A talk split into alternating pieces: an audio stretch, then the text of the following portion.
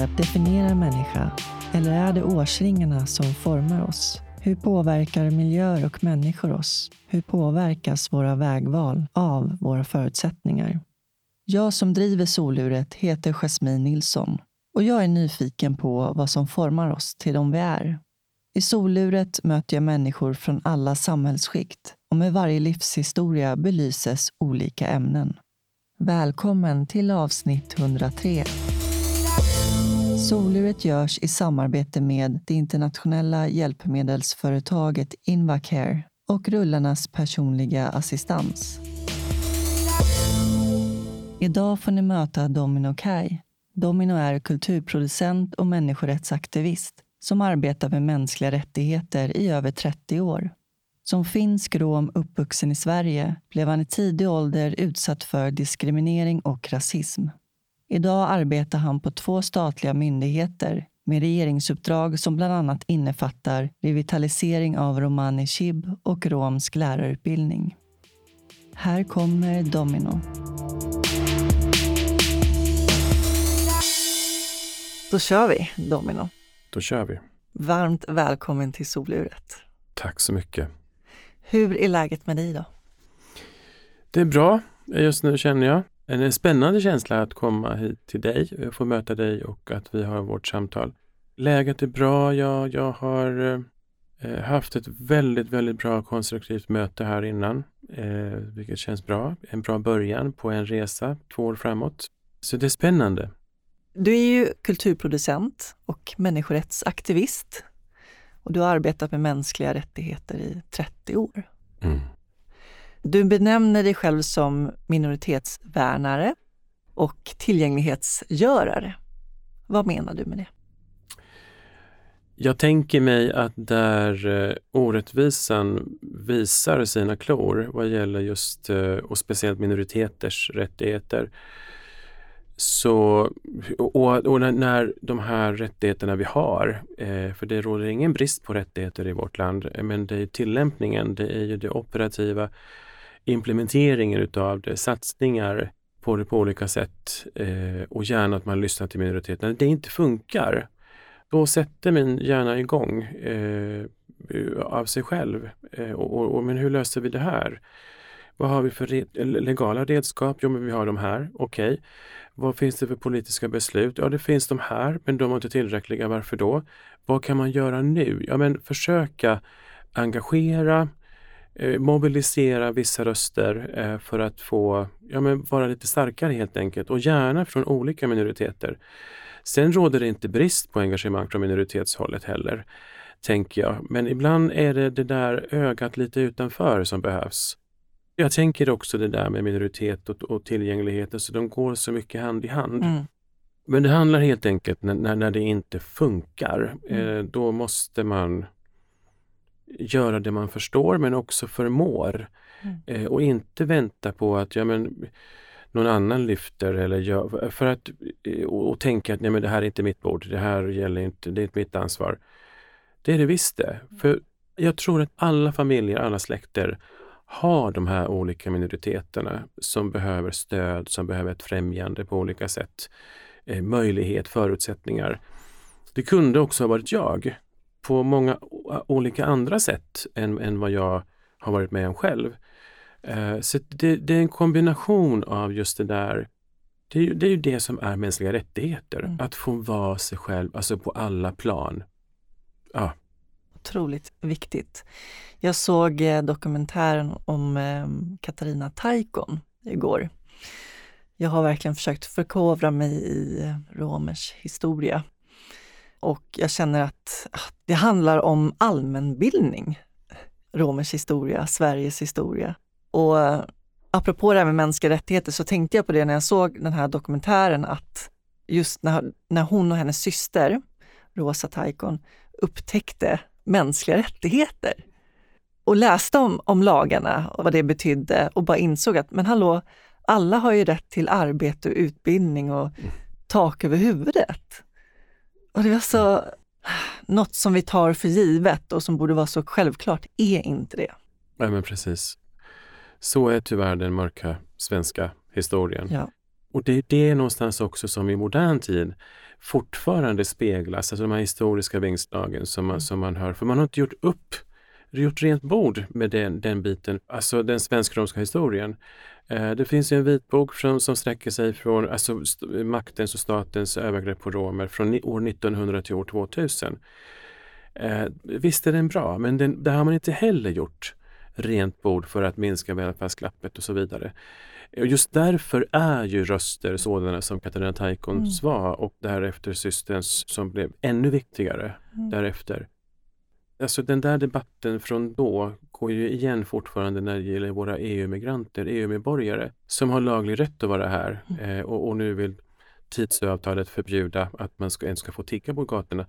Eh, ja, ta bort tiggandet från våra gator men ge någonting annat istället. För det handlar fortfarande om människor. Eh, de här människorna har också barn hemma.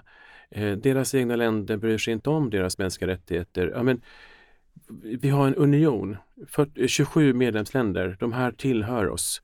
Eh, vi har gemensamma lagar och, och en Europastadga mm. som är gemensam. Just det. Jag såg också dokumentärserien som du har producerat, Den romska förintelsen, där man får följa olika personer när de söker svar på varför det blev som det blev och få reda mer kring sin historia. Och det är också så här, jag känner det här är liksom allmänbildning, det här måste alla se. Jag vill verkligen uppmana alla att göra det. Kan du berätta mm. om den här dokumentärserien? Jag fick idén till eh, just den här formen eh, av dokumentärserien för ja, någon gång 2017, på sent 2017. Eh, och att, att, för det råder ingen brist på dokumentärer och andra slags arbeten eh, visuellt vad gäller just förintelsen. Men romer har varit i lä och har inte prioriterats på samma sätt. Det är ju allmänt känt, eh, men det är ingen som har riktigt gjort någonting åt saken. Och min tanke har också varit där att ska vi vänta tills alla romska överlevande har gått ur tiden innan vi vaknar? Det var någonstans där jag började fundera att nej, men någonting måste göras så att vi kan fånga några röster och det var då jag tänkte på att ja, men inte bara Sverige utan vi måste ta ett bredare, ett nordiskt grepp om det här. Eh, så det var min grundidé. Mm. Och sen så har jag och en, en vän till mig bollat och diskuterat under ett års tid därefter och skrivit och skrivit och sen kontaktade vi eh, public service och eh, den vägen var det. Och vi fick till också ett samnordiskt samarbete kring Eh, de övriga länderna tyckte också att de ville satsa på det och så. Och, resultatet har vi av fantastiska hjältar mm. som har vågat haft modet att ställa sig framför kameran och svara på våra frågor men också att vi har fått följa dem men också och deras familjer. Och ibland också hem till, eller till trakter där deras mor och farföräldrar kommer ifrån. Och som du säger, det handlar just om allmänbildning och, och vårt försök till att fylla kunskapsluckorna som mm. finns. Läroplanerna säger allt det här att man ska gå ut grundskolan med de här kunskaperna mm. vad gäller förintelsen men också nationella minoriteter. Eh, men det finns bristfälligt fortfarande. Det finns inte material i och med att just inte ens läromedelsförfattarna prioriterar de här bitarna ur den svensk-romska historien. Eh, så därav så, så känner jag är så otroligt stolt, glad men nöjd över att jag har kunnat kasta och producera det här tillsammans med andra fantastiska medarbetare. Så att, ja. Mm. Vad har ni fått för gensvar? Det har varit enbart positiva. Det är klart att jag vet att det i landet finns eh, folk som, som har andra, en annan värdegrund. Eh, och andra som har bestämt sig att ja, men det här är bortkastade pengar. Det finns också förintelseförnekare på olika sätt. Eh, men, men jag tänker mig att de som har bestämt sig, de är svåra att mm, på något sätt påverka i deras tyckanden och värdegrund tills de själva vaknar eh, ut ur det de tror sig är sant idag. Eh, men den större delen är ju ändå, de vet att det här har hänt. Eh, det är också en sån här aha-upplevelse. Var det det här också? Det har bara varit positiva. Viktigt. Du föddes den 14 januari. Vilket år? Uh, jag brukar hålla tyst om det, för jag är fortfarande 28. Ja, jag fattar. Men du föddes i Finland? Ja. Vad vet du om när du kom till världen? Åh, eh, då var det väldigt tufft för väldigt många i Finland. Eh, det var sviterna och åren efter att man hade förlorat kriget, vinterkriget och fortsättningskriget eh, mot, mot, eh, gentemot Sovjetunionen. Och att man som stat hade, fick betala tillbaka väldigt mycket, alltså pengar till eh, staten Sovjetunionen. Och det, det gjorde ju någonting med fattiga Finland eh, som blev ännu fattigare gentemot sin befolkning. Jag vet ju också att eh, arbetskraftsinvandringen eh, på 60 och 70-talet eh, främst var ju en stor grej, inte bara i Europa men också här i Norden. Så att i de senare vågorna sen så kom ju mina föräldrar tillsammans med andra från Finland till Sverige just för att söka arbete och man hade hört om välfärden på den här sidan och så vidare. Den vägen var det ju. Ja, men jag tänker också på, alltså, det är såklart att föräldrarna har format en hel del. Eh, vår kultur men också våra föräldrars värderingar. Eh, ja men det var ju inte så lätt som det inte var så väldigt många som kom från Finland på den tiden, alltså även innan. Eh, att lära sig ett nytt språk, eh, lära sig bara en ny matkultur var ju jättesvårt för väldigt många. Hur kan vi få våra egna råvaror, ja, men det man är van vid och, och så vidare. Men sen också att inte bli accepterad för, för det, de, de man var. Eh, jag tänker på de yttre attributen eh, som min grupp har. Alltså det går liksom inte att gömma sig. Och, och nekandet efter nekandet när våran far till exempel sökte jobb. Eh, han fick en del arbete som lastbilschaufför men, men de jobben överöstes ju inte över honom de var ju tvungna till att på något sätt så måste vi ändå överleva. Eh, och, och, de här överlevnadsinstinkterna sätter ju igång snabbt eh, när, när hungern kommer eh, och att det bara fortsätter och fortsätter oavsett vem du är. För man måste klara livet och det var ju så våra föräldrar gjorde. Eh, de gjorde sig egna arbeten när de inte fick arbeten. Det är jag uppvuxen med. Jag är uppvuxen med hästar eh, travhästar eh, så småningom som våran far födde upp och tävlade också sen senare med dem. Det är sådana goda minnen med hästar. Det är på något sätt som att själen börjar vibrera som en gitarrsträng nästan. Eh, för, för, för, det blir så varma minnen. Eh, det blir så mycket mina föräldrar eh, när jag ser hästar idag. Eh, sen har jag aldrig haft ett intresse att just själv arbeta med hästar på det sättet. En av mina yngre bröder har fått den delen och han är fantastiskt duktig med hästar. Det, det, eh, jag beundrar den yrkeskunskapen och skickligheten. Hur många syskon har vi? Vi är sex syskon. Mm. Du är ju också medförfattare till boken Finnjävlar. Just det. Det är en antologi där eh, ett femtontal Sverigefinnar eh, skriver om klass och klassresor, diskriminering och motstånd. Mm. Du skriver om att det finns så många identiteter i en människa.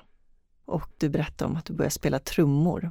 Det blir en av dina identiteter. Mm. Men sen att du också har en identitet hemifrån. Mm. Kan du beskriva den identiteten? Jo, men jag tänker mig identiteter, alltså relation till olika människor. Och den som är hemma, ja men hur, hur är vi tillsammans med, med, våra syskon, tillsammans med våra föräldrar? Hur, hur är vi när vi, eller hur var jag när jag bara kanske var med den ena brorsan? Eh, eller när vi var flera, eh, eller om det bara var våra föräldrar och jag och så vidare. Då tror jag att även om man är sig själv så, så har man ändå olika slags relationer och då blir det lite roller eller identiteter. Eh, lika som att det blir någonting helt annat roll eller identitet när vi möter en främling eh, för, för, eller en, en person för första gången. Eh, så blir det, händer det ju också någonting med ja, men bemötandet och hur man är eller svarar. Eh, hur man pratar. Ja, och jag tänker mig ofta att, att, eller så här tänker vi ju inte, utan vi bara är. Mm ja, men hur funkar jag där eller hur funkar jag här? Går jag till banken så funkar jag på ett sätt som jag inte gör om jag är på mitt jobb eller hos mina andra släktingar eller kusiner. Eh, det är lite det jag tror jag tänkte när jag skrev mm. texten. Du skrev också att, um, att du under lång tid kände att du var fel. Mm. Vart du än vände dig så, så kände du dig fel. Mm. Jag tänker precis som vi öppnade den här diskussionen att det finns så lite allmän kunskap som man borde efter drygt 500 år med mina förfäder här i landet så borde man ändå ha veta lite mer. Ja, eh, som inte handlar om integration utan det handlar om att kunna få inkluderas. Eh, vilket vi aldrig har fått göras på riktigt. Eh, och, det, och, det, är väl där någonstans eh, när, man, när jag kommer ibland och jag pratar svenska och så var det också när jag gick i grundskolan och situationstecken betedde mig liksom nästan som alla andra. Men sen när man frågade, ja men du har så mörkt hår, eh, var kommer det ifrån? Eh, ja men det är Finland kanske? Uh, ja men det är inte de där fin Sverigefinnarna som jag känner. Eller, och så bestämde man sig kanske på en halv sekund, ska jag säga, ska jag inte säga? Och sen ofta så sa jag ju. Uh, för jag har ändå fått den själv, självkänslan hemifrån, att, att jag ska våga kunna säga vem jag är och, och vart jag kommer ifrån. Inte vara blyg för det och inte känna att det är någonting dåligare än något annat. Eh, men det har ju också skapat vid en del möten att man inte har velat acceptera mig. Eh, det har blivit glåpord eller, eller det har blivit avståndstagande fysiskt kanske. Speciellt en gång, jag var utan ord men det gjorde väldigt ont. Eh, Just för att det var utan ord, men det var så demonstrativt. Hur? Det var något, ja men hej, var kommer du ifrån? Ja men från Sverige. Ja men du, du, har, du bryter på något sätt. Det, det är någonting. Ja men det är kanske för att jag pratar lite olika språk, svarade jag. Ja men vad är det för språk då? Och just återigen så kände jag, ja jag kan ramla upp de här andra språken, men, men ska jag säga det? Och sen nästa halvsekund sa jag, jo men jag gör det. Och så pratade jag även romanes. Det blev, alltså, det hände någonting och det är den där millisekunden som jag ofta ser när folk förstår att nu har de en rom framför sig. Antingen ser de det eller förstår det efter några sekunder eller ett tag. Eh, det händer någonting med bemötandet återigen där, men också servicen, om det är myndigheter eller vad det nu kan vara. Och just där så var det en privatperson och jag var där i min profession. Eh, så jag kunde inte säga vad jag ville säga för bara, så att jag också skulle få det ur mig själv och inte behöva ta med mig det. Eh, jag, det var ganska lång tid, det tog flera dagar innan jag kunde bearbeta bort det där. Den där demonstrativa som tog fler, alltså flera, flera steg från mig och tittade mig i ögonen och sen gick ut från lokalen. Eh, det gjorde mer ont än att de skulle ha skällt på mig att du är en skit och du är ingenting värd. Då, då hade jag kunnat bemöta det på ett annat, mm. helt annat sätt. Men det är väl också av sådana tillfällen som man på ett sätt lär sig eh, att hantera om den situationen igen, om den skulle komma, eh, på ett bättre sätt, tror jag. Hemskt, att man ska behöva det. Absolut, alltså att man någonstans kommer ju de där fördomarna och de kommer ju inte från barnen och ungdomarna själva. De kommer från släktingar och, och, ibland föräldrar, andra runt omkring. Eh, men det är just den där kollektiva stämpeln som, som jag hela tiden stretar emot. Eh, för den, den kan aldrig vara sann. Om en av hundra gör ett felval i sitt liv, då kan du inte sätta stämpeln också på de 99 andra. För all, det är olika personer. Eh, men det är den kollektiva stämpeln och alla över en kant och kam som vi fortfarande har när, vi, mm. när det gäller den här gruppen, oftast. Mm. Du beskriver också en händelse när du var åtta år och du skulle ut och fika med familjen. Ja. Den, eh, den får mig fortfarande, får min röst att krackelera. Eh, jag tittar ut här nu från fönstret så att jag inte så att jag ska känna något annat samtidigt här. Eh, för den där händelsen, det finns värre händelser verkligen som har hänt. Verbala men också fysiska. Men den gör så otroligt ont fortfarande.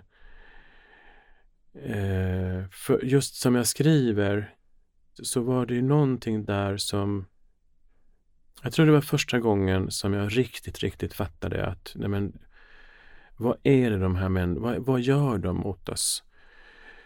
Eh, jag kan fortfarande se mig tillbaka, så eh, den här oskyldiga känslan, nej men varför ska vi gå ut när vi inte har gjort någonting? Och, och vi hann inte ens sett sätta oss och ändå så ska vi gå ut.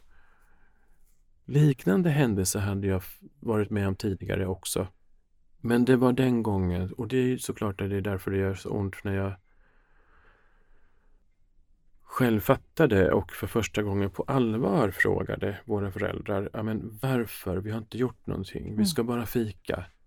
Och sen efteråt så har jag förstått att ja, men det, här, det är den här symptomen de här symptomen på den antiziganismen som fanns då men som fortfarande finns som blir konsekvenserna utav när man inte har gjort just rent bord eh, med den svensk-romska historien som jag nämnde tidigare.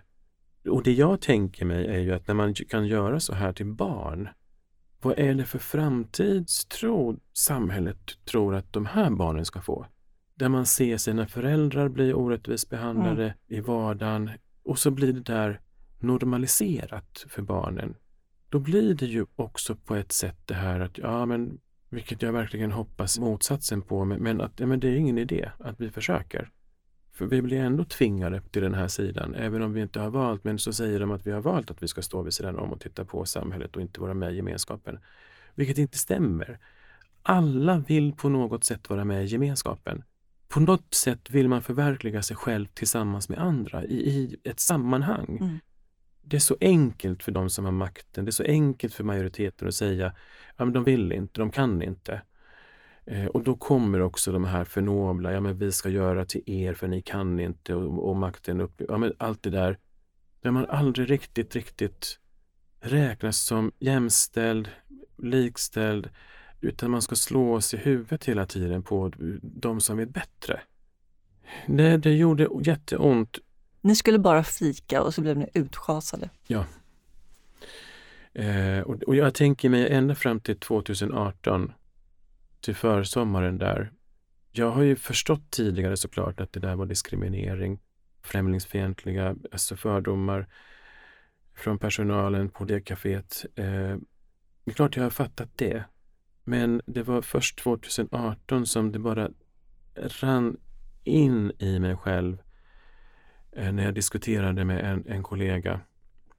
Ja men herregud, det där var första gången jag själv tittade in i antiziganismens ögon. Mm. Det är därför det gjorde så ont. Eh, och att det tog så många år för mig att fatta att det var det, även om jag visste att det var diskriminering. Och en, en sån... Jag tänker mig att vad en sån enkel handling kan göra med barn. Ja eh, som vuxen som utsätter en som inte, ja men det där är väl ingenting, det, det där kan man ju leva. Eller, nej, det sätter sina spår. Mm. Jag sitter fortfarande här. Nu har jag kunnat faktiskt hålla mig för, för gråt eh, väldigt bra. För jag best, jag, när jag tittade ut första gången så fick jag lite andra tankar. Men, men det, det gör mig fortfarande rörd av det som gör ont. Skrik ut vad du vill, höll jag på nästan att säga, eh, vad du tycker, men gör det inte mot barn. Gör det mot vuxna istället, som kan hantera det förhoppningsvis bättre. Det är inte heller rätt. Men, men utsätt inte barnen. Nej, det blir ett känslomässigt trauma som man måste leva med ja. resten av livet. Då någonstans förstod du att, att ni var annorlunda i samhällets ögon? Ja. ja, men det blev på ett helt annat sätt. Ja, men det öppnade ju mina ögon och jag tänker mig att det är klart att en åttaårings ögon kan öppna sig ändå för olikheter i mångfalden och så vidare. Men inte på det sättet. Eh, det har ju såklart varit en stor del som har format mig därefter. Dina föräldrar, pratade de med er barn någonting kring det här? Det var ju det de inte riktigt gjorde. Jag minns ju att de ofta sa det att ja, men gå inte för nära. Och ibland sa de mer att ja, men gå inte hem till någon. Ja, men att vi skulle vara på allmänna platser, lekplatser eller annat där det fanns annat folk men aldrig någon annanstans och så vidare. Och speciellt inte hem till folk. För man vet aldrig vad som kan hända. Eh, och våra föräldrar var ju rädda för att ja, men, man skulle göra någonting för att vi är romer. Och sen sa de ju också ibland när, de, när, när man frågade, som just den där, det där speciella tillfället när jag var åtta år. Ja, men varför ska vi gå ut? Ja, men varför? Jo, men så här är det ibland. Eh, det här händer. Ja, vi går vidare. Mm. Och som jag skriver där också, vi fick vårat fika. Men, mm. men jag satt jag och fikade, minns jag, med den där klumpen i magen. Att varför, vi har inte gjort något fel. Och ändå... Ja. Eh, men, men inga sådana där riktiga förklaringar. Jag tänker mig också att vad skulle våra föräldrar ha sagt, tänker jag nu när jag tänker på det nu. Mm. När de själv hade växt upp med allt det där. Och också från den sidan, deras sida, att det hade blivit normaliserat som de där svarade, ja men det är så här det är. På något sätt så hade de ju köpt det. Att det finns ingenting att göra åt det. Mm. Hur gick det i skolan? Jag hade en väldigt eh, bra skolgång under grundskolan. Och det har nog att göra med, nej, jag är helt hundra procent säker på att jag var en av de yngsta eh, bland syskonen, men, men också eh, av våra kusiner som också gick i samma skola. Jag minns att när jag gick i sexan, då gick alla de andra i, högstadiet, sjuan, åttan, nian. Och på något sätt så hade de berett vägen, om jag nu säger så, eh, tagit alla kamper eh, och sen när jag kom till sjuan, då var ju en del kvar i åttan och, och lite så var det också på mellanstadiet. Att jag behövde liksom aldrig eh, försvara min etnicitet, eh, min kultur och, och, så vidare. Så att på det sättet så var det ju aldrig några svårigheter. Och sen minns jag också att vi hade på mellanstadiet och högstadiet väldigt bra lärare. Vart gick du i skolan? Jönköping. Jag var ganska stark. Alltså på det här eh, sättet när man skulle tycka om någonting eller argumentera för man tyckte och, jag, och det hade att göra med att jag var ändå eh, som barn och ungdom så var jag ju ändå... Våra föräldrar hade grundat oss i, som jag sa tidigare, att vi ska vara stolta över vilka vi är och vad vi har för arv och, och traditioner och så vidare. Och det hjälpte ju mig, den här självkänslan, att även stå för och argumentera när det var andra saker också. Jag minns ju också att vi hade ju, alltså istället för att vara på en timme så fick vi möjligheten att se Gandhi-filmen. Och det var ju fantastiskt, den hade inte jag sett eh, innan. Och så sitter vi där i biosalongen där, som vi hade på vår skola eh, och så är det tre, ja tre av killarna igen. Så börjar de prata och prata högre och högre och så pratar de helt andra saker. Men det var så pass högt att de störde oss alla andra. Ingen sa någonting, inte ens läraren.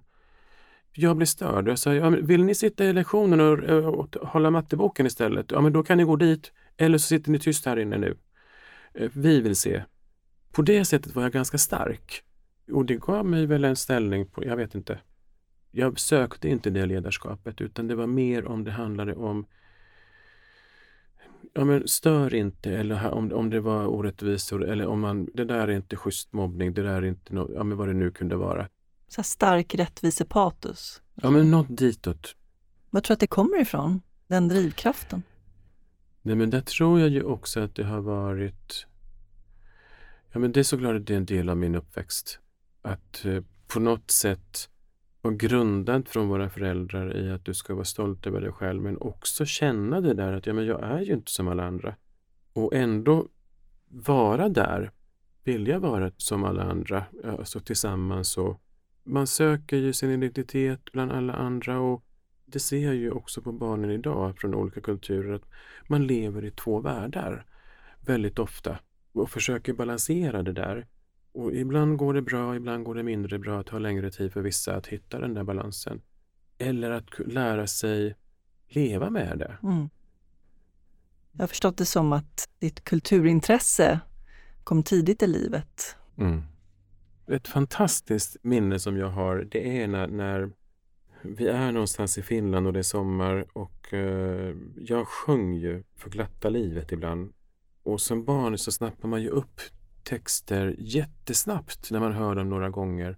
Så jag vet inte hur många sånger jag kunde men det var väldigt många tangos, alltså finska tangos. Jag kunde väldigt många Ja, men den dåtida Finlands eh, schlagermusik som inte är samma som svensk schlagermusik. För den är mer melankolisk i Finland och även under lite mer fart så har den lite mer melankoli. Eh, och, och, så sjöng jag och sjöng jag och sen helt plötsligt så har jag minnesbilder där, där våran far lyfte mig upp på bordet. Jag tror, men jag kanske är tre och ett halvt eller fyra års åldern. Det är väl första minnet som jag har när jag riktigt sjunger. Och så jag, sjung gosse, sjung. Eh, och jag sjöng och, och så minns jag att alla, det var ju fullt med folk. Och så applåderade de och det var ju, det var ju den här, det här ruset jag kände. Jag drar mig tillbaka till scenen gång på gång, då och då och har gjort sedan dess. Det måste ju ha varit där som fundamentet formade, alltså det här ruset och jag, att jag kände att wow, eh, och det, kändes bra. Det är den första gången. Och sen minns jag också när jag var tio år så sa min ena lärare att ja, men nu ska du sjunga solo på julavslutningen. Ja, det var också speciellt. Eh, och innan dess så hade jag varit med i en barnkör ända sedan jag var sju och åtta år gammal eh, och några år till. Och sen var jag med i min första musikal när jag var tio år. Det, var, det var fantastiskt eh, när jag tänker tillbaka på det. Och så har det blivit lite krogshower, det har blivit massa festivaler och, och många olika dansgrupper, eh, latinamerikanska främst, lite flamenco. Så jag, jag har haft förmånen att värva olika kulturyttringar. Härligt. Mm. Det är ett sätt att kanalisera känslor på också. Mm. Jag kan ju fortfarande känna idag att när, när jag riktigt ger mig hän till tangotakten eller flamencotakten alltså tillåter mitt hjärta nästan slå i, i samklang med de här rytmerna. Det, det går inte att beskriva. Alltså vilken... Det blir nästan som att man blir ett mm. med de här takterna. Vissa kan gå till och köpa, jag vet inte, köpa säsongskort till eh, någon yogakurs eller, eller inte vet jag, olika gym och sådär. Men, men, för mig har det där varit ibland den där, den där kraften, mm. eh, meditativa kraften som, som jag också kan känna när jag går in i en kyrka. Mm. Eh, e-, eller, eller andra heliga platser som är heliga för andra religioner. För, för det är något, något heligt, alltså något rofullt och, och detsamma kan jag känna i de här takterna. Mm. Nu tar vi en kort paus och ringer upp min samarbetspartner Invacare. Invacare Johan. Hej Johan, det är Jasmin från Soluret här. Nej men tjenare, tjenare. Tjenare, hur är läget med dig? Det är bara bra tack. Hur är det själv? Det är bra. Ja. Jag ser fram emot eh, våren. Absolut, det gör vi nog alla med det här snö och slask och sånt som har varit här ett tag nu. Så vi ser nog fram emot de här sköna vårdagarna som kommer här snart med mycket sol. Eller hur? Du är ju produktchef för sängar och personlyftar på Invacare. Jajamensan, det är jag. Och eh, jag har jobbat på Invacare i 15 år i lite olika roller. Och sen ett år tillbaka så är jag nu produktchef för sängar och lyftar. Vad är det för sängar och lyftar? Jo, det är ju mest eh, hemsjukvårdssängar som man kanske får av Hjälpmedelscentralen. Eller så kanske man har någon släkting eller mormor, morfar eller någonting som bor på ett äldreboende. Så är det oftast våra sängar som står där. Och även personlyftarna sitter på väldigt många äldreboenden. Och sen så har vi lite mobila golvlyftar som man också kan få hemkört om man har gjort sig illa. Okej.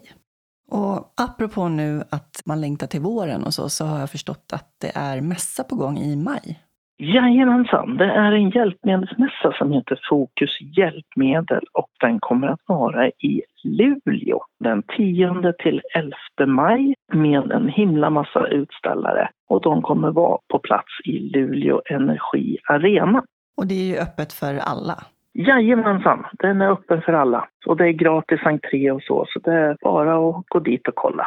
Tack så mycket Johan, då ser vi fram emot eh, våren. Det gör vi garanterat. Tack själv Jasmin. Ha det så bra. Ha det bra. Hej då. Ja, hej då.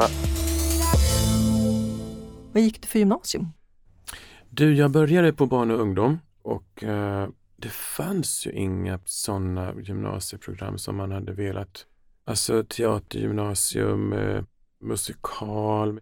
Så då blev det barn och ungdom och sen gick jag någon månad och sen kort därefter så flyttade vi sen till Södertälje och så vidare. Så då tog jag ett sabbatsår och så började jag jobba istället med eh, teatergrupper och eh, fick pengar för det. Och det, det, var ju fantastiskt. Sen kom jag in året därefter och eh, då var det ju en helt ny gymnasieskola.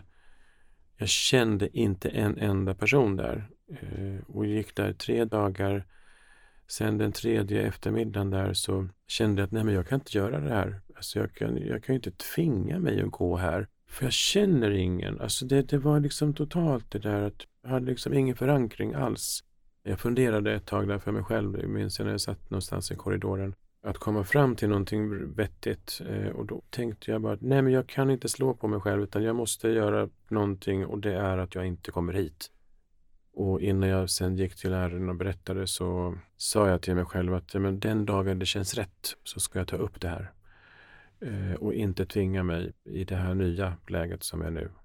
Men då var jag ju också Ja men det kan jag ju säga, alltså våra föräldrar skilde sig. Så att det var tufft på det sättet också. Att eh, inte ha den hemmamiljön som man hade haft ända från början.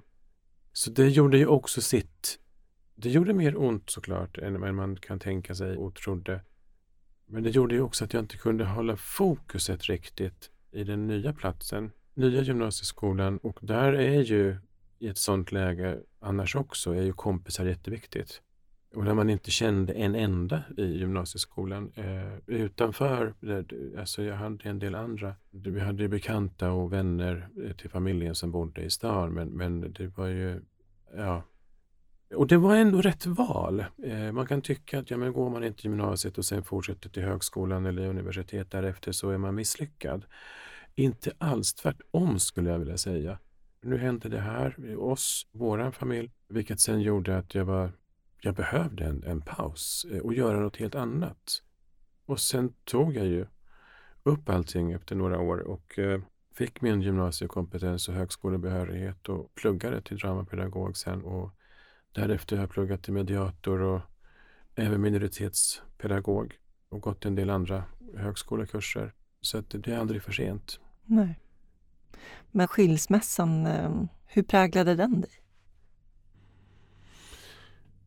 Den fick mig, tror jag, precis som jag tror att det för många andra också, att eh, det lärde en att stå på stadigare ben så småningom.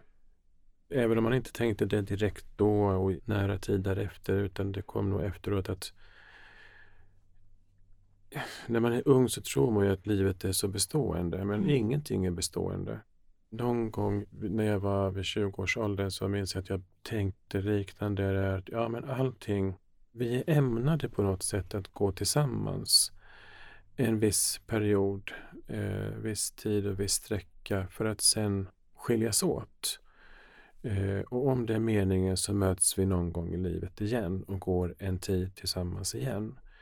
Men att livet är ett ständigt, och det låter väldigt tungt, men livet är ett ständigt farvältagande. Om vi tänker efter, och vi gör ju, vi gör ju inte det för att det kan göra olika ont i olika tillfällen och stunder och sammanhang. Men det är ju det det är. Vi är, oavsett om hur många syskon vi har, oavsett hur stora familjer vi har, så är vi alltid ensamma i livet. Och det är ett ständigt farvältagande.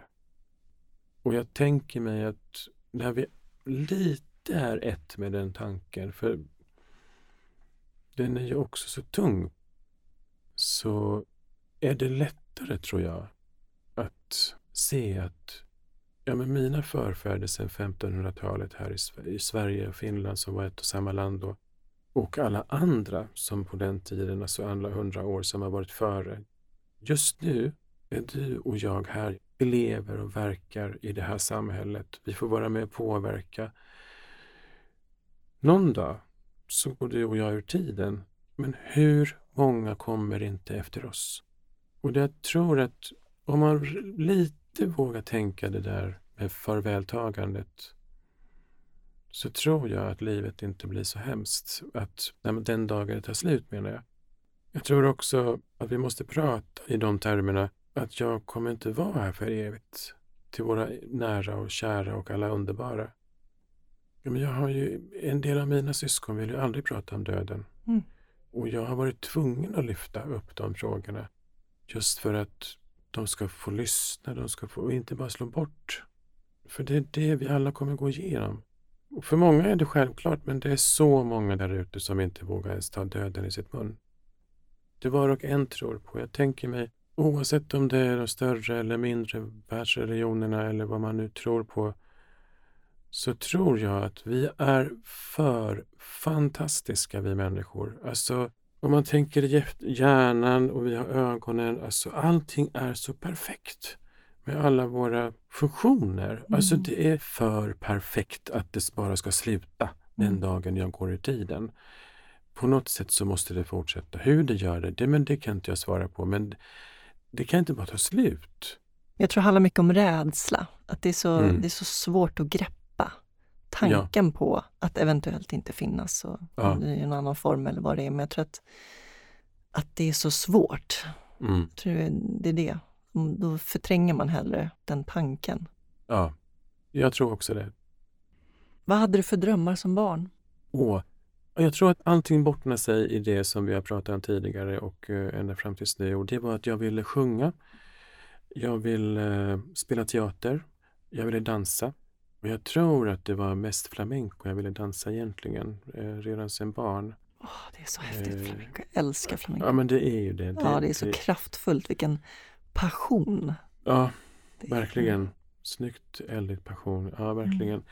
Mm. Eh, och, och sen i det också latinamerikanska danser. Det var mina drömmar och jag har behållit de där drömmarna också. Eh, jo, en dröm var också att jag, att jag skulle få spela in musik. Och allt det där blev ju inte riktigt så som jag drömde om. Eh, av olika orsaker. Och jag tror att främsta orsaken var just det där att eh, göra min del när det gäller orättvisor. Mm. Då har jag liksom ställt de där drömmarna på lä lite grann. Mm. Och sen har jag haft dem av och till och varit med i produktioner och bildat grupper själv, eh, både sånggrupper och, och, och, dansgrupper och varit med i olika teatergrupper och teateruppsättningar och krogshower. Jag känner ändå att jag har fått utlopp för de drömmarna. Men eh, ditt engagemang för romska frågor, det väcktes på 90-talet, förstod jag det som? Ja, mer på all, eller jag gjorde ett val då. Mm. Eh, jag tror att det var i den vevan när Ny Demokrati dök upp i Sverige som mer som ett alternativ på högerkanten i politiken. Och då hade också den svenska kronan devalverats rätt så hårt. Sverige var inne i en finanskris. Det blev fler och fler som blev arbetslösa och så vidare, hela den där svängen som vi är inne i nu också, nu igen. Och någonstans där kände jag, ja, men när ett land blir i gungning på det här sättet eh, så, när det, och när det fortsätter ett tag, då vill man gärna hitta, ja men vem är skyldiga till det här? Det här var ju en global fråga på den tiden också. Men man tittar ändå gärna på minoriteter mm. på olika sätt. Och sen allt det där andra som jag hade känt och sett och hört från släktingar och föräldrar och varit med om. Den där sneda blicken som man hade mot romer på olika sätt. Det tillsammans med det här gjorde att nej men jag måste göra vad jag kan. Och riktigt vad jag skulle göra, det visste jag inte, men jag gjorde ändå ett val. Att jag måste på något sätt. Eh, och det gick ju inte så lång tid därefter förrän jag började föreläsa för myndigheter och och sen den vägen var det så blev jag inbjuden till olika seminarier och konferenser just för att ja, men berätta från mitt perspektiv och vad jag kände och tyckte och, och vad som var bristen i samhället och så vidare. Och sen dess så har det rullat på. Om jag bara tar arbetslivet därefter så har jag ju haft en fantastisk resa. De flesta arbeten jag har haft det är projektanställningar. För så är det inom minoritetssfären. Mm. Det är sällan som det är tills vidare arbeten. Men det har också berikat mig att ha haft typ ett 30 eller 40-tal olika jobb. Men, men när, innan det ena har varit slut så har jag fått en fråga till att hoppa på ett annat. Eh, så på det sättet så har det varit väldigt, väldigt... Jag har haft tur eh, och, och känner mig, om jag får använda andliga uttryck, så känner jag mig välsignad. Eh, och den vägen. Men jag hade nog inte riktigt Ja, men så kan jag också känna faktiskt. Eh, hade jag inte haft hela den här resan på de olika sätten så hade jag ju inte varit jag på det jag sitter nu mm. med den kunskapen och erfarenheterna för att kunna stötta, kunna hjälpa eller ja, eh, råda, tipsa och så vidare. 2019 så tilldelades du Martin Luther King-priset. Mm. Vad betydde det för dig? Wow. Det är så fantastiskt att jag kan inte riktigt, riktigt på allvar beskriva den känslan att ens få en liten, liten skugga av den mannen, den stora mannens skugga. Alltså att man får ett, ett erkännande i hans namn mm. som har gjort så fantastiskt för miljoner och miljoner människor som fortfarande har otroligt stor betydelse mm. vad gäller minoriteter i USA, de svartas eh, situation, men som har brett ut sig också till andra delar av världen. Därmed det går ju inte att beskriva den, för det är ingen som kan gå i hans skor. Det är klart att jag är väldigt, väldigt glad och stolt över att just det året så fick jag det erkännandet. Såklart, och det betyder oerhört mycket. När jag såg den där affischen eh, under prisutdelningen och eh, diplomet som jag fick, att min bild var tillsammans med honom. Det är så stort fortfarande så att jag, jag kan inte, det går inte att beskriva. Mm. Eh, för så stor var han redan innan för mig. För jag har redan innan tänkt på att vilken, han kom från ingenstans. Han, eller ingenstans, men, men att under sina studier och allt annat så, så han såg någonting som var fel i samhället. Ofta säger man att ensam är du inte stark. Men han lärde mig någonting tillsammans med Gandhi. Att en person kan faktiskt göra skillnad hos andra. En person kan aldrig göra allt, men det måste starta någonstans. Känner du någonsin att, eh, att du tappar hoppet? Att du känner att nej, nu orkar jag inte mer. Nu lägger jag ner den här kampen. Det har jag känt ett antal gånger. Att eh, varför gör jag det här? Eh, är det någon mening med det här? Ofta har det varit i samband med att det kanske har varit dumt motstånd.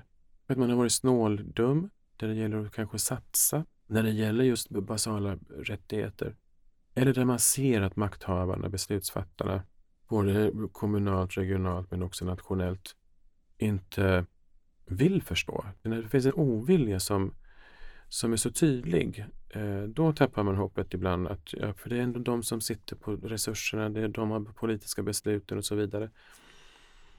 Men det som får mig tillbaka och ju mer tiden går framåt så det är ju att oavsett hur trött man än blir, oavsett hur man tappar hoppet ibland, motivationen och så vidare, så är det barnen som måste vara just den där, det där målet. Det där långsiktiga det är det som har fått mig tillbaka varenda gång som jag har känt att nej men nu orkar jag inte längre, det här är ingen idé. Eh, så kommer någonstans, eh, ja det var inte bättre på min, mina föräldrars generation och mor och farföräldrars generation. Det är tufft fortfarande i min generation för väldigt många. Men då, låt oss då kraftsamla och gemensamt tänka på det långsiktiga och det är barnens framtid. Arvet från idag måste bli bättre vad gäller just fundamentala mänskliga rättigheter, eh, jämställdhet och jämlikhet i ordets rätta innebörd och inte bara i ord. Det är det som får mig tillbaka. Wow. Hur tänker du att ditt fortsatta arbete ska se ut inför framtiden i mänskliga rättigheter? Trots att politiken har varit och agerat så styrmoderligt gentemot flera, många minoriteter och hovet och kyrkan där innan så tänker jag att vi minoriteter måste än mer vara inne i politiken och där besluten tas. För vi får dem aldrig på en silverbricka från de som är makthavarna idag. Det som görs idag, till exempel i Sverige vad gäller minoritetsfrågan, det är under kritik från Europarådet eller FN, Human mm. Rights Watch, Amnesty International och så vidare. Ja. Då gör man någonting så att man kommer upp till den kritiken. Men ingenting självmant. För man vill inte stå och skämmas i, i något hörn där man säger att man är ett mänskliga rättighetsland och vill ha det ryktet och så gör man ingenting. Jag tänker också på att vi är ett av de bästa länderna vad gäller just mänskliga rättigheter runt om i världen. Vi pekar fortfarande med hela handen och säger att ni gör inte väl med era minoriteter och på vår egen bakgård så sätter man bara ner kastrullocket. Så att jag tänker mig att Fortsätt att ha som språngbräda ur kulturella projekt för att prata rättighetsperspektiv. Eh, för kultur är inte så hotfullt. Där kan man enas ganska lätt, olika intressegrupper och ha olika slags spår i det. Eh, men in i politiken också. Eh, och gärna in i de mer godare partierna. Mer än så tänker jag inte. Man får ta egen ställning och läsa partiprogrammen och vad som överensstämmer med de egna värdegrunderna. Vi måste ta fram de politiker som beslutar om att alla får plats. Mm. Det är så lätt också med att vifta med den politiska handen när det är fel inom det här området, kanske med alla skjutningar nu och sen finns det vissa politiker och grupperingar som pratar om, ja men det är de där och så ibland säger de, ja men det är de utländska, det är invandrarna eller de religiösa som vissa också eh, nyligen som vi har fått höra. Men den politiska handen viftar gärna med andra minoriteter samtidigt i samma klunga fast de inte har någonting med det att göra, haft att göra någonting eller. Och det är det här som jag tänker att var finns alla andra som inte, ja men de, vänder, de är antingen medlöpare eller så vänder de ryggen till och vill inte lyssna. Ja men det är inte mitt problem. Det blir ditt problem också för vi är alla medborgare. Vi, vi har en och samma skattkista välfärden tillhör oss alla och om alla ska få lika mycket, ja men då måste vi också värna om bristerna. För att det är människan vi pratar om. Så länge människan inte ser sig jämställd och likställd i samma jämförbar situation, sedd och hörd som människa, ja men då kommer det bli konsekvenser och symptom som vi kanske inte tycker om. Men då går jag tillbaka återigen, förebygg från början. För det går att se redan på förskolenivå vilka som är på glid av olika orsaker. Sätt in, in samhällsinsatser där så ser vi mindre av det som vi ser idag. Vad innebär det för dig att vara människa? Oh. För mig innebär att vara människa, det är något fantastiskt. Det är en gåva. Att kunna få vara, verka, göra, få också. Eh, det är ett ansvar. Det är ett riktigt stort ansvar, ett större ansvar än vi tror gentemot inte bara omgivningen och våra relationer, våra, våra släktingar, familjer, arbetskamrater, utan gentemot oss själva också. Och där tror jag nog att de flesta av oss verkligen blundar för oss själva mer än vi tror. Vi lever så mycket för andra. Vi ska vara ja, service-minded gentemot, alltså allt det där ska vi vara. Det är inte det jag menar. Men ofta tar det överstyr så att de egna drömmarna, den egna känslan, ja men jag gör det här nu för att jag vill vara schysst mot dig. Jag gör det här för att kanske bli bekräftad. Jag gör det här för att det förväntas av mig. Men jag kanske inte vill det. Jag, kan, jag känner inte för det. Inte nu. Men ändå fortsätter vi kanske 10, 20, 30 år. Tills vi sen vaknar, åh, det var för, när det är lite för sent. Jag borde ha lyssnat på mig själv lite mer. Det är också, tror jag, en större del av att vara människa för mig. För jag, lär, jag försöker lära mig själv det. Mm. Eh, och det, det, är svårt. Det är det verkligen. Mm. Tror du på ett liv efter detta? Ja, det vill jag göra. Jag är uppvuxen eh, inom kyrkan. Men ju äldre jag har blivit så har den biten heller inte att jag måste ha, vara bunden till en och samma församling. De bitarna har inte blivit så viktiga för mig. Jag kan i det berätta också att första gången jag var i Istanbul tillsammans med vänner så bodde vi nära en liten moské. Eh, vi var och tittade på Blå moskén där också. Den är ju vacker och fantastisk. Men den är så turistisk, kommersiell. Så hade vi en, en liten moské vid hotellet där vi bodde. Och jag vet ju, alltså, jag kände det inom mig att ja, men jag kan inte gå dit så länge de andra ser. Eh, I och med med de större världsreligionerna som du vet som, som eh, särar på varandra och det, man tycker att det är vi som är rätt och, och, de, och så vi alla säger samma saker och så. Och i alla fall, vi hade någon timme kvar innan vi skulle till flygplatsen och då sa jag, ja men jag går en sväng och tittar om jag vill köpa någonting mer eh, med mig. Och tog tillfället i akt. Jag gick till moskén, tog av mig skorna och det var så det var tomt förutom, jag tror att det var en vaktmästare typ. Och det var så fantastiskt där inne. Och jag bara kände mig, oh my god, och så pratade jag liksom, ja men Gud, alltså Jesus, alltså om jag känner samma slags ro här inne i moskén som jag känner i en kyrka. Vad är det de bråkar om? Ja, precis. Alltså, det var den mest fantastiska, den bästa grejen från hela resan. Det var kanske två minuter jag var där inne. Tittade mig runt omkring och det var helt fantastiskt. Det var då jag kände än mer, nej men jag behöver inte ha en församling. Jag kommer gå in i olika kyrkor. Det behöver inte vara någon frikyrka. Jag kan gå in i, i protestantiska, katolska eller vad det nu kan vara. Eller jag kan sitta här och känna samma ro. Mm. Eh, så att jag, jag tror på någonting, något gott efter det här livet. Jag vet inte exakt hur det gestaltar sig, men någonting. Mm. När känner du dig fri? Jag känner mig fri när man kan, när man får realisera, man får förutsättningar. För det är inte alltid att man säger, ja men skapa dina egna förutsättningar. Ja, jag försöker, men det går inte alltid. Utan när man får möjligheten till att realisera sig själv, realisera sina drömmar, vara med i sammanhang där man bara får vara. Att det liksom inte är den där sociala kontrollen. Eh, det, det, är liksom inte något regelverk eller något som bestämmer ja, men allting så länge det inte skadar någon annan på, eller sänker någon annan på något sätt. Givetvis så har jag liksom, ja, men, en mindre del medel så att man kan också, alltså pengar är ett nödvändigt ont. Och då pratar jag liksom inte att åh, om jag vore miljonär så skulle jag, det är inte nej, utan bara att man, man klarar livet. Ekonomisk frihet. Ja, precis. När känner du dig sårbar? Hmm. Jo, men det är nog alltså när rädslan kommer över en.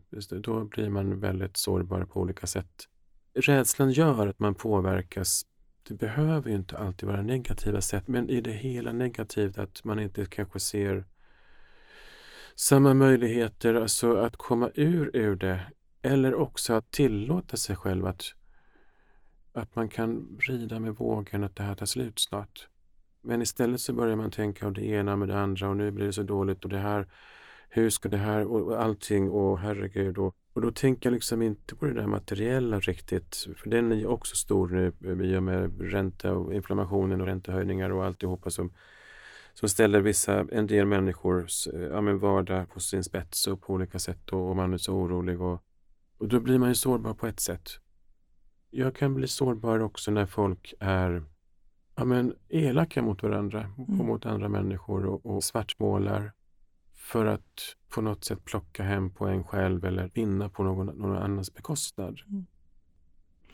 Nu kommer vi till något som vi redan har varit inne på. Vad drömmer du om? Jag drömmer om att få vara med och påverka tillsammans med andra till mer social hållbarhet vad gäller just de här bitarna av sociala rättigheter för alla. Eh, en plats för alla som vill och kämpar där ute och inte blir hörda. Att försöka förmå andra beslutsfattare att förstå vilken makt de har och vad vinsten utav det kan bli, både för människan men också för samhället, som kostar mindre om vi bryr oss idag.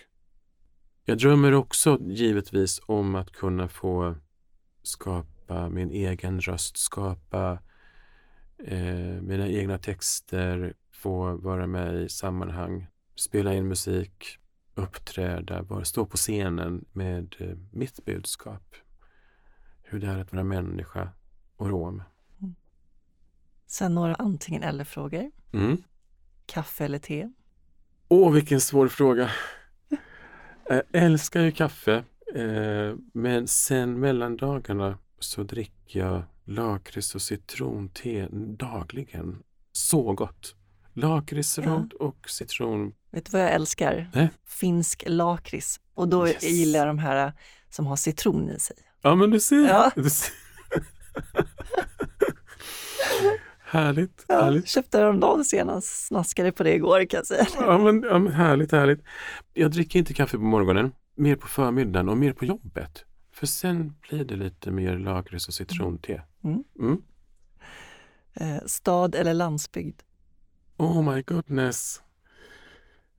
My goodness, om man hade det där torpet där borta. Eh, det vore ju fantastiskt och lite sjö i närheten. Men nej, det får nog bli stad. Mm. Mm. Bok eller film? Wow. Ja, det beror ju på vad det är för filmer. Men då säger jag bok. Mm.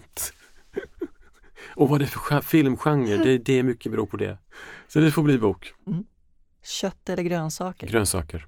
Det var det snabb. Den var snabb. Är du vegetarian? Jag är vad man säger Stockholmsvegetarian. Mm, okej. Så jag äter lax, men annars är det vegetariskt. Planering eller spontanitet? Och där är mitt emellan, tror jag. Mm. Eh, för jag tänker mig, så jag rör mig inom grupper, även inom jobbet, att trots att, att man har en planering så måste du nästan, nästan dagligen, inte alltid, så måste du tänka om. Och då Mm. är det ofta spontant i jag tänker när, till exempel när jag, var, när jag var med och producerade tv-serien sist, men det har också varit i andra produktioner. Eh, när jag har drivit filmfestivaler eller kulturfestivaler. När folk inte dyker upp eller någonting. Alltså det är det jag menar på att okej, spontanitet, ja, men lösning på plats här och nu. Vi har en konflikt som inte är riktigt men, men det måste lösas. Folk kommer snart och vill titta. Det, det, det, och då, då, då, då måste det vara någonting mittemellan. Ja, jag fattar. Mm. Gud, jag måste förklara lite övertyd. Förlåt. Ja. Eh, ja. Det är lugnt. Se eller höra? Oh, wow. Alltså, jag ser och hör. Det har inte jag funderat på, så jag tar ju det för givet. Jag tror nog att, jo men så gör jag, jo, men så gör jag ju ibland. Jag blundar ju för att jag ska höra, eller det jag hör, att det ska kännas extra. Så det, det beror på eh, vad det är för... Men om jag skulle åka typ de här värsta karusellerna eller vara skyhögt i luft, alltså då blundar jag. För jag får sån här svindelkänsla. Ja. Bara jag tittar, om du vet när folk hoppar bungee jump till exempel. Ja. Alltså det, det kryper under skinnet på mig på riktigt. Jag, jag, jag måste titta bort, jag måste tänka på något annat. Det går inte att titta på i all den här fantastiska eh, naturen som de här kameran. För jag ser bara den här, den här människan åker neråt och neråt och kommer dö snart. Alltså, Vet du att jag har hoppat eh, tandenhopp som förlamad? oh shit. Oh, förlåt. Eh, för,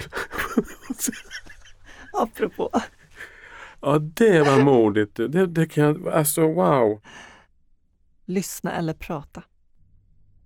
Folk säger att jag är en god lyssnare. Sen kan jag prata på själv också, eh, som nu. Det hade varit jobbigt annars tycker jag. Ja, ja, ja. Jävla utmaning alltså. Världens tystaste podd.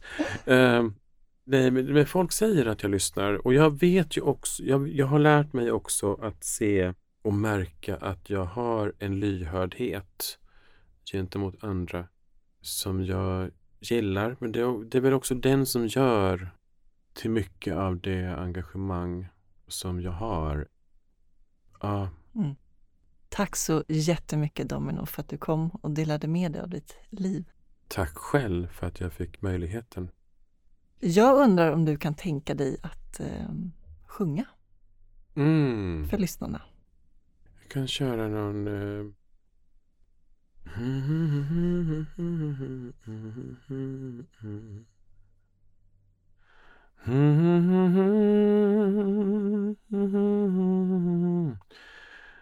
Sunta duha ala juma yosa chachipi Devla baro piravel murotrajo. Tu Janes, mm, devla baro piravel murotrajo. Murotrajo. Mm-hmm. mm-hmm, mm-hmm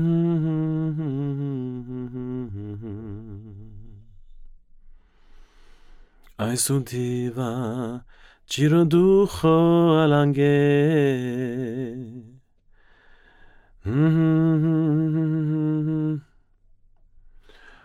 Mora pappa Ja. Tack. Tack själv. Dessvärre finns det destruktiva krafter där ute i samhället som försöker tysta människor som Domino som kämpar för mänskliga rättigheter. Jag vill återigen rekommendera och uppmana alla till att se dokumentärserien Den romska förintelsen som finns på SVT Play. Tack till min huvudsamarbetspartner Invacare. För mer information om Invacare och deras hjälpmedelsprodukter kan du gå in på invacare.se. Och tack till Rullarnas personliga assistans. Rullarnas vision är att man ska kunna leva ett så oberoende liv som möjligt trots sin funktionsnedsättning.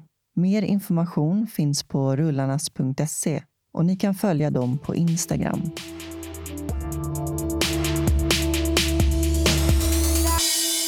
I nästa avsnitt får ni möta Nicole Cavander. Nicole har en lång karriär bakom sig inom reklam och kommunikationsbranschen och är en aktiv debattör när det kommer till afrosvenskars rättigheter. Hon är medgrundare till nätverket All of Us som arbetar för mångfald och inkludering. Tack så mycket för att ni lyssnade och ta hand om varandra där ute. Puss och kram. Hej då.